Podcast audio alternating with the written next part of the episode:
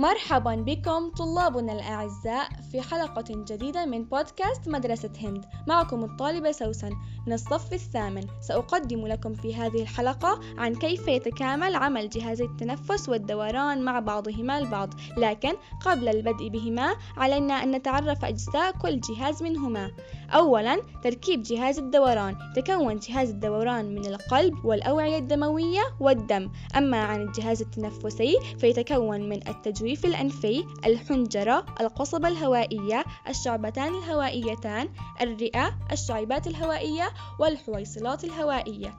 كيف يتكامل عمل جهازي التنفس والدوران مع بعضهما البعض؟ أولا يقوم الجهاز التنفسي بتزويد الجسم بالأكسجين عن طريق الأنف تجويف الأنف الحنجرة القصبة الهوائية الشعيبتان الهوائيتان الرئة الشعيبات الهوائية ومن ثم الحويصلات الهوائية.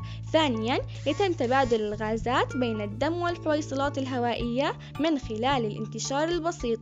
ثالثا ينتقل الأكسجين من الجهاز التنفسي إلى خلايا عبر جهاز الدوران حيث ينتقل الأكسجين للمواد الغذائية عبر القلب إلى جميع أعضاء الجسم لتقوم بوظائفها. رابعا تكون جهاز الدوران من القلب والأوعية الدموية والدم.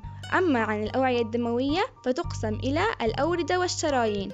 خامسا يتم التخلص من الفضلات وثاني أكسيد الكربون عن طريق جهاز الدوران إلى خارج الجسم. تخرج الفضلات عن طريق جهاز الإخراج. أما عن ثاني أكسيد الكربون فيخرج عن طريق التنفس.